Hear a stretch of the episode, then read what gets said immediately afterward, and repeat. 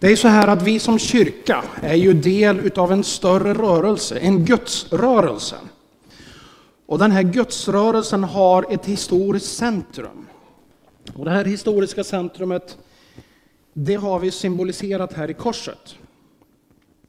För det kom in någonstans mitt i historien och hade en väldigt avgörande sak. Gud skapade oss för ett gott syfte och så kom synden och förstörde en massa saker och gjorde det svårt för människa att faktiskt uppfylla det där som Gud hade tänkt.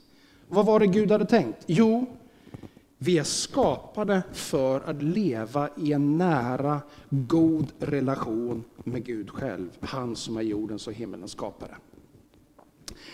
Och eh, jag ska läsa ett citat som eh, finns i den här boken. Jag vet inte om du har köpt den här ännu. Gudslängtan heter den. Den finns här ute. Jag rekommenderar att köpa den. Vi är ju mitt inne i en sån här period utav bön och fasta. När vi liksom närmar oss Gud. Temat är närmare Gud. Och eh, i den här så finns det en del spännande saker att läsa. Och jag läser ett citat utav en av kyrkofäderna, Augustinus. Han uttrycker sig så här. Du, o Gud, har skapat oss till dig och vårt hjärta är oroligt tills dess det finner vila i dig. Vi är skapade för Gud, av Gud. Och så länge som inte vi har den där gudsgemenskapen, då är det något som fattas. Du kan aldrig blomma ut till ditt verkliga, fulla jag förrän du också kommer in i den där nära relationen med Gud själv, han som har skapat dig. Idag så tänker jag att tala om några saker som är lite viktiga för det här. Och jag har faktiskt med mig ett rep här.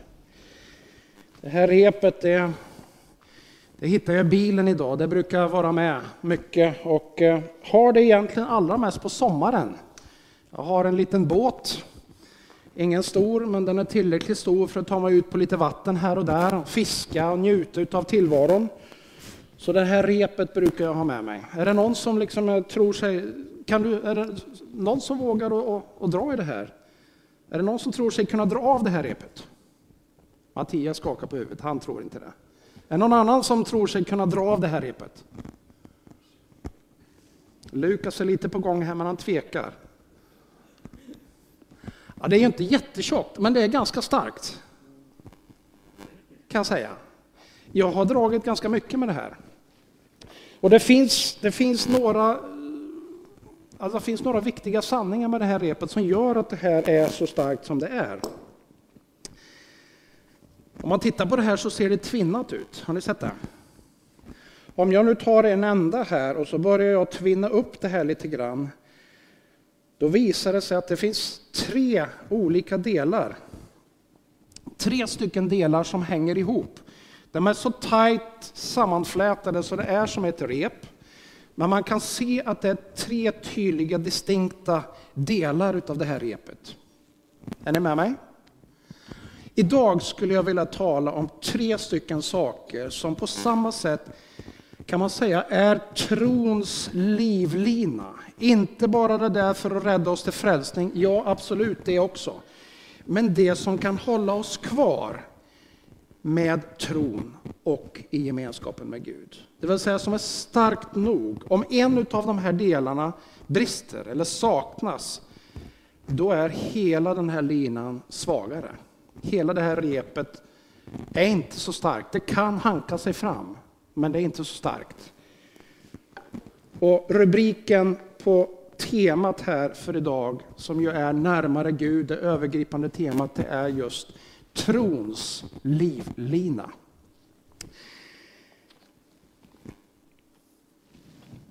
Trons gemenskap, den är oerhört viktig.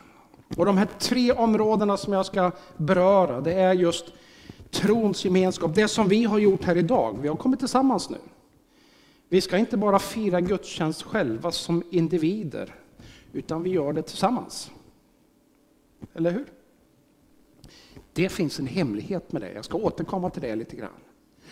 Vi ska alldeles strax läsa bibelordet. Det kommer att komma upp några, några bibelord om en liten, liten stund här. Bibelordet, det som är en samling av det Gud har sagt. Det är inte allt som Gud har sagt, för Gud har sagt mer än det som finns i den här bibeln. Men vi har en nyckelområde, eller nyckeltexter, nyckelberättelser som är väldigt avgörande för oss. Vi tror att det har något viktigt att säga till oss. Och vi ska också tala lite grann om upplevelsen, upplevelsen utav Gud. Men jag vill börja. Vi kan, ja, vi kan ta de här bibeltexterna som har kommit upp här alldeles precis här. Tre stycken nyckeltexter som jag tänker får ligga till lite grund här. Och vi hämtar det i Andra Timoteus 3 och 16.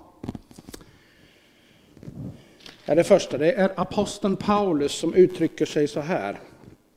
Varje bok i skriften är inspirerad av Gud och till nytta när man undervisar, vägleder och fostrar till ett rättfärdigt liv så att den som tillhör Gud blir fri från sina brister och rustad för alla slags goda gärningar. Jag tänker så här att Gud när han skapade himlen och jorden, vad gjorde han då? Jo, han använde sig av just ordet. Och med sitt ord så skapade han allt som finns till. Och med sitt ord fortsätter han att skapa. Så bibelordet är väldigt centralt för att fortsätta den här trons skaparprocess i ditt och mitt liv.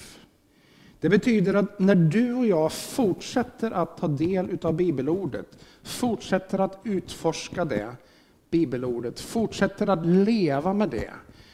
Psalm 1 så står det att den som, den som lever med Guds ordet dag och natt, den som funderar över det, den som mediterar över det, är som ett träd som är planterat vid vatten som aldrig vissnar. Och i rätt tid så bär det frukt. Så bibelordet har en viktig, viktig del. Vi kan ta fram bibeltexterna igen där. Så tar vi den andra texten här. Därför mina kära, ni som alltid varit lydiga, arbeta med fruktan och bävan på er frälsning. Inte bara så som när jag var hos er, utan ännu mer nu när jag är långt borta. Ty det är Gud som verkar i er, så att ni både i vilja och gärning förverkligar hans syfte. Det finns en process som du och jag är ansvarig för. Och så finns det en process som är Guds ansvar. Och ditt och mitt ansvar, det är faktiskt att arbeta på vår frälsning. Ja, det är inte så här att vi inte är frälsta. Den tar vi emot utav nåd. Det är korset här, det är vittnet av det. Det tar vi emot utav nåd, det vill säga hoppet om återförening med Gud hoppet om att det finns ingenting, eller insikten om att det finns ingenting som liksom hindrar oss från att komma in i Guds absoluta närhet och helighet. Inte för att vi är heliga i egen kraft, men därför att han har gjort det möjligt för oss genom Jesus Kristus. Det hoppet finns. Så det behöver vi inte fundera över om vi har tagit emot det. Om du har tagit emot det här hoppet till frälsning, då är du frälst. Om du har tagit emot Jesus, bekänt honom som din Herre, då är du frälst. Men det finns en annan del av den här texten, en annan sida av den här frälsningen. Det vill säga att trons liv behöver man arbeta på. Det finns steg som man behöver ta, det finns saker som man behöver göra för att ge Gud mer utrymme för att arbeta i ditt liv. Och då tänker jag så här att det Paulus skriver om här, det är att vi ska fortsätta att arbeta, vi ska fortsätta att ta steg, vi ska fortsätta att låta oss vara tillgängliga för Gud för att bearbetas. Vad då för någonting? Ja, inte minst Guds ord. Guds eget ord. Därför att när Guds ord får påverka oss, våra sinnen, våra tankar, vårt liv, då händer någonting. Då skapar han någonting i oss. Någonting som är kopplat till hans gudomlighet. Och där händer också det fantastiska. Att Guds tanke för ditt liv, det som han har skapat dig för, det är som att det kommer närmare också din tanke. Eller så är det kanske mer tvärtom. Att din tanke om dig själv, som kan vara sann eller delvis sann, när du liksom börjar se dig själv och öppnar upp för att Gud arbetar med dig, då är det som att den kommer så småningom att sammanfalla med det Gud har tänkt. Och vad är det som händer då? Jo, då gör du saker och ting. Då lever du ett liv som behagar Gud. Så att du både i vilja och gärning förverkligar hans syfte. Den sista texten som finns här, det är Johannes döparen som säger det. När han får frågan, han frågar om Jesus och han, han är ju kusin med Jesus och har ju en relation men är ju ändå lite fundersam. Ja, hur är det nu egentligen? Och så inser han fullt ut att nej, men det är ju Jesus som är Messias. Och det Johannes säger som liksom sammanfattar en väldigt viktig del är att han, det vill säga Jesus, han måste få bli större, ta större plats och jag måste få bli mindre. Det vill säga, mitt ego måste få minska till förmån för Jesus i mitt liv. Det är slutsatsen som Johannes drar utifrån hans insikt om vem Jesus är. Guds son, Messias, frälsaren, världens hopp. Ordet alltså, vi kan ta nästa bild. Det här ordet, det finns fler bibelställen som vi kan läsa och eh, jag skulle vilja uppmana dig att lägga de här fem frågorna på minnet. Man kan ha dem som handen.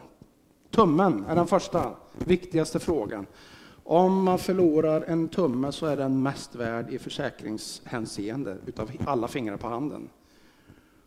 Och det är nog den viktigaste frågan. Vad kan vi lära om Gud? När vi läser en bibeltext, när vi utforskar en bibeltext, vad är det vi kan lära om Gud själv?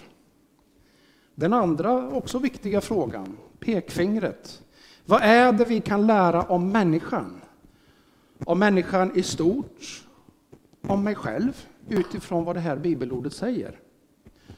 Och den tredje frågan är, jaha, om det här nu är sant, vad, vad, vad får det här för konsekvenser? Eller på vilket sätt är det här relevant för oss, för mig eller för oss i vår tid, i vårt sammanhang?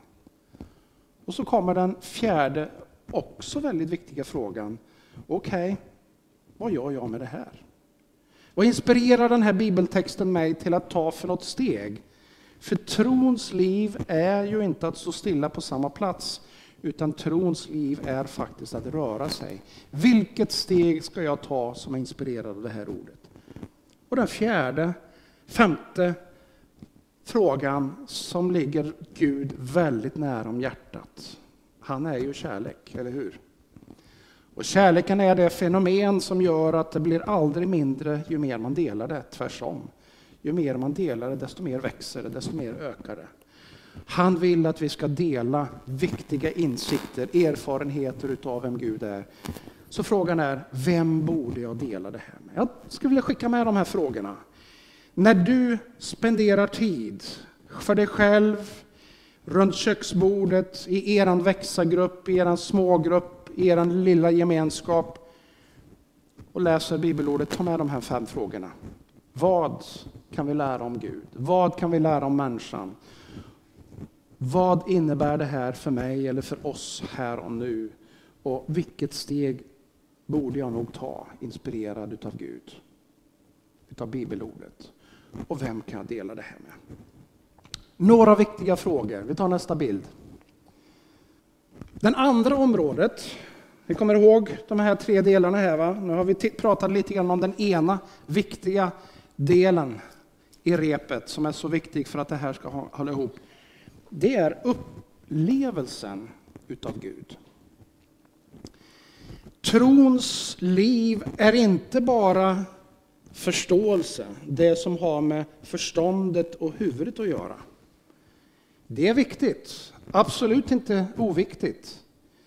Men det finns något mer. Trons liv handlar om ditt hjärta. Det handlar om dina känslor, det handlar om dina upplevelser.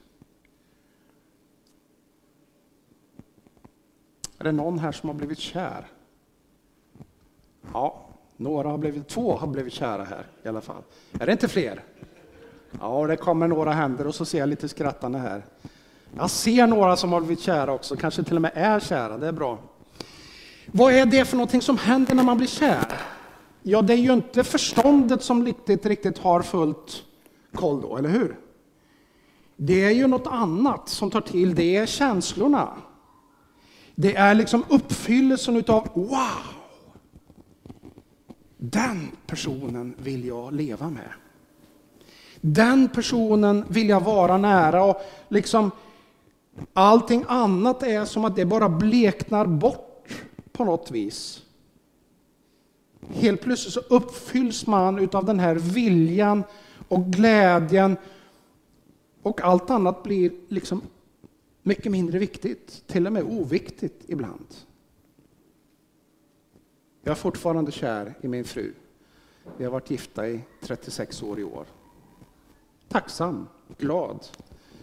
Och i den här tiden när ungefär varannan, varannat äktenskap går sönder så får man bara vara ödmjukt tacksam av att vi har hållit ihop. Och jag skulle nog beskriva att vi båda är fortsatt kära i varandra. Det betyder att jag, jag vill liksom inte missa chansen av att vara nära henne. Det är okej okay, ett tag. Men alltså, den där pulsen, varje dag helst, vill jag ju möta henne. Varje dag vill jag ju prata med henne. Varje dag vill jag ju vara i hennes närhet och uppleva den. När vi sitter tillsammans och är tillsammans så är det inte alltid väldigt mycket som vi säger till varandra. Vi pratar, absolut. Men vi måste inte prata. Ibland räcker det att bara sitta i varandras närhet. Varför? Jo, därför att vår relation bygger inte bara på förståndet. Vår relation bygger också på upplevelsen utav varandra. Jag tänker att när det gäller Gud så är det precis på samma sätt. Gud visar sig, Gud uppenbarar sig på en mängd olika sätt. Gud uppenbarar sig i naturen, hans skapelse. Gud uppenbarar sig i det vi redan har pratat om, bibelordet. Och där kan man få en upplevelse som går bortanför den logiska förmågan. Upplevelsen av det är som att en bild träder fram bortanför vad orden säger. Närma er Gud så ska han närma sig er, säger Jakob i Jakobs brev. Jag tänker att det stämmer också på den här delen av livet att få uppleva. Upplevelsen kan vi få i lovsången, när vi tillber tillsammans, när vi prisar, kanske stilla eller kanske jublande med uppsträckta händer. Upplevelsen kan vi få i en bön, i en bönesamling. Under den här månaden som vi har bön Speciellt så möts vi varje onsdag kväll och det har varit ungefär 25 personer varje onsdag hittills som har mötts här i kyrkan och eller online. 18.30 har du inte varit med förut så, så bjuder jag med dig. Det är fantastiskt att få vara med och vara i Guds närhet och be för specifika saker som vi uppfattar att Gud, Gud vill och som vi uppfattar att Gud också har talat om och fortsätter att tala om. Vi kan ibland ha drömmar. Bibeln har ett antal berättelser om drömmar. Josef i Gamla testamentet hade en dröm. Josef i Nya testamentet, han som blev Jesu far eller styvfar, han hade en dröm eller en upplevelse av en ängel som kom till honom i drömmen. Maria, Jesu mor, uppfattade Guds tilltalet genom ängeln. Det finns en mängd olika sätt som vi kan uppleva det. Och ibland så kan vi uppleva det genom andra människor. Andra människor som hör av sig, andra människor som bryr sig och som ibland förmedlar sådana där liksom handlingar eller ord som är liksom mitt i prick just till det jag behöver just nu den här dagen. Ibland är den heliga Ande oerhört precis. Jag har själv fått varit med och förmedlat några sådana där budskap, hälsningar till människor i precis rätt tid och jag har själv också varit med och fått uppleva det. Guds uppenbarelsen, den finns på olika sätt, men det finns någonting som är gemensamt för att du ska höra Guds röst eller för att du ska uppleva, förnimma hans närhet. Vad är det då? Jo, i de allra, allra flesta fall skulle jag vilja påstå så behöver du öppna dig för det gudomliga. Man kan bli drabbad utan att egentligen ha gjort något aktivt. Det finns berättelser om det. Men jag skulle nog vilja påstå att de allra flesta upplever Gud när man faktiskt öppnar hjärtats dörr. När man liksom öppnar sitt sinne, sina ögon, sina öron och sina andliga sinnen mot det gudomliga. Jag har en sån där stark upplevelse som jag har berättat någon gång om. Jag var, jag var nere i Tanzania på ett uppdrag. Jag hade undervisat på Habarimalom College, den skola som vi som församling har varit med och fått föda fram. Skolan där man tränar media, producenter och ledare för Guds rike. Jag hade varit där och undervisat och det hade varit en lång dag och så kom jag hem på kvällen dit jag bodde och så tänkte jag att nu ska jag bara sätta mig och ta det lite lugnt. Men så var det stjärnklart ute. Det var lite ute på landsbygden i det här huset jag bodde. Och jag tänkte att eh, jag ska bara gå ut och sätta mig en stund där, kanske vid tio på kvällen. Jag släckte ner lampan som var på altanen där. Och så tittade jag upp och jag såg från början kanske två, tre stjärnor. Jag sitter där och tittar på de här stjärnorna. Efter en stund så händer det någonting. Efter en stund så börjar jag se fyra, fem, sex, sju. Och till slut så klarnar det mina ögon. Mina ögon liksom anpassar sig efter ljusförhållandena och situationen. Så jag börjar ju se en helt otroligt fantastisk stjärnhimmel. Wow!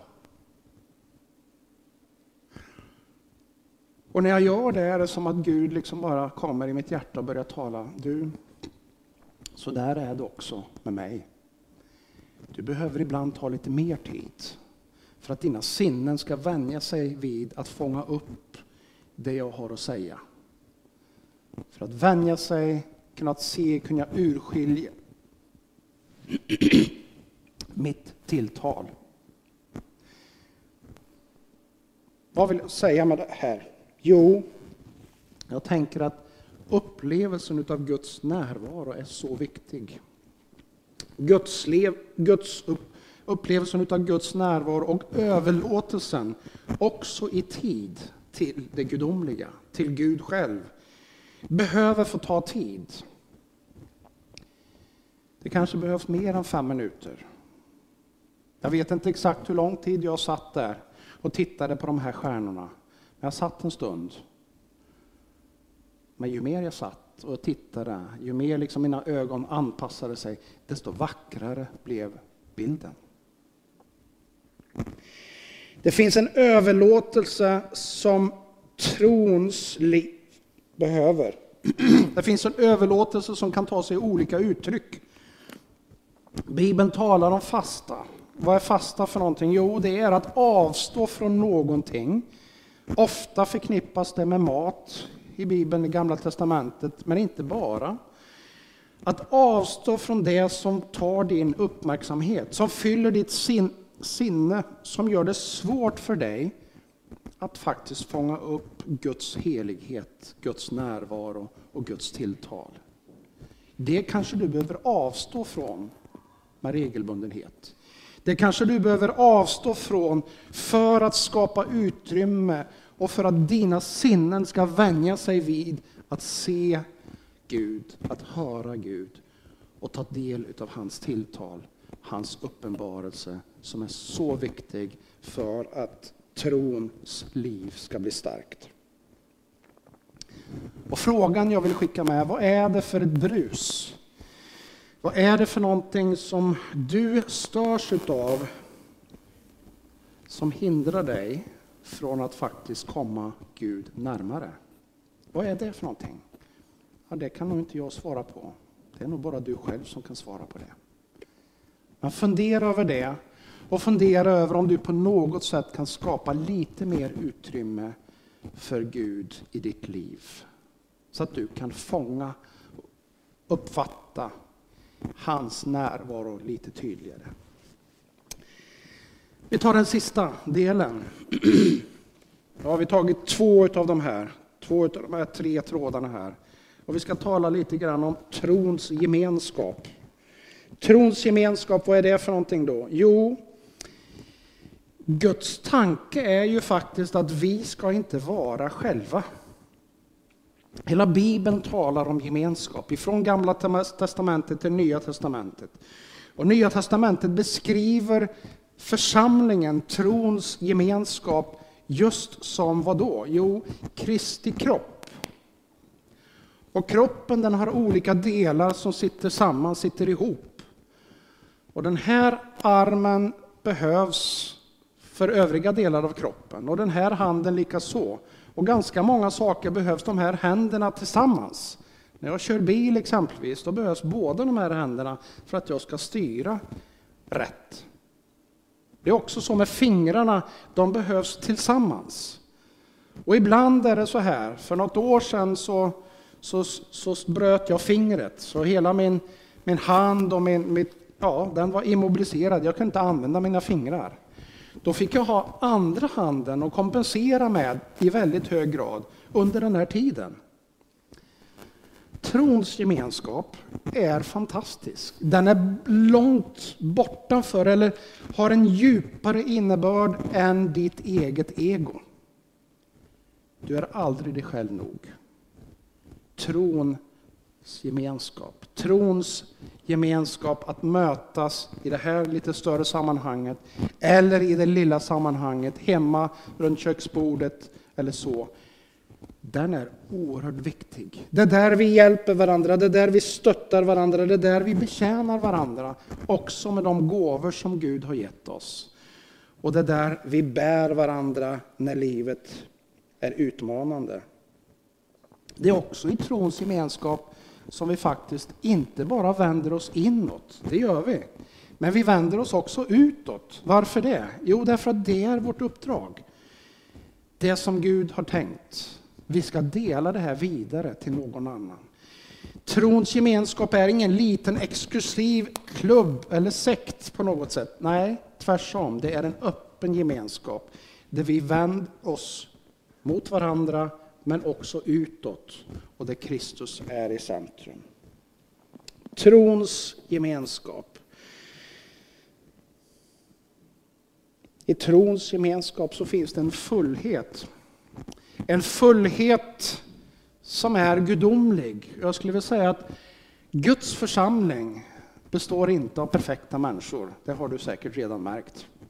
Och har du inte gjort det så, så kan jag berätta det för dig. Bland annat därför att jag finns med där. För jag är inte perfekt. Jag har hittills inte träffat någon perfekt människa. Än så länge. Kanske finns någon, men det är bara Kristus själv som är helt och hållet perfekt. Så trons gemenskap, församlingen är inte perfekt därför att vi är perfekta, men den är perfekt därför att Kristus är perfekt. Därför att Kristus är i centrum.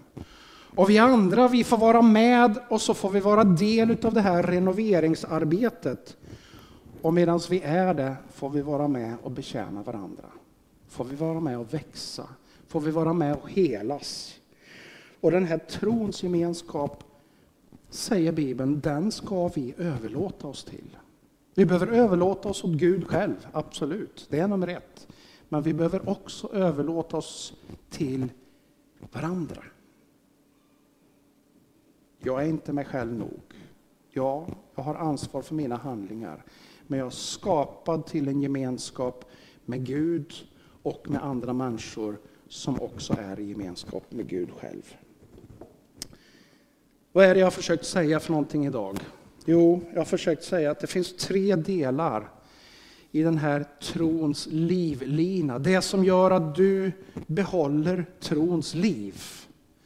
Och alla de här tre är viktiga för att repet ska vara starkt, för att ditt liv med Gud ska vara starkt. Du behöver ta tid med ordet. Du behöver ta tid inför Gud själv i bön. Öppna dina sinnen för att uppleva Guds närhet. Men du behöver också överlåta dig och ta tid för trons gemenskap. De tre är så viktiga för att ditt liv ska fungera. Vi ska runda av den här predikan här nu. Jag vill bjuda fram Anna, Stefan. Välkomna fram. Anna, du kan ta en mick där hos Lukas. Och jag skulle vilja att ni är med mig och ber för. Vi har, kan ta nästa bild. Vi har tre stycken, tre stycken bönämnen som på något vis knyter an till den här predikan och som knyter an till den här månaden utav bön och fasta.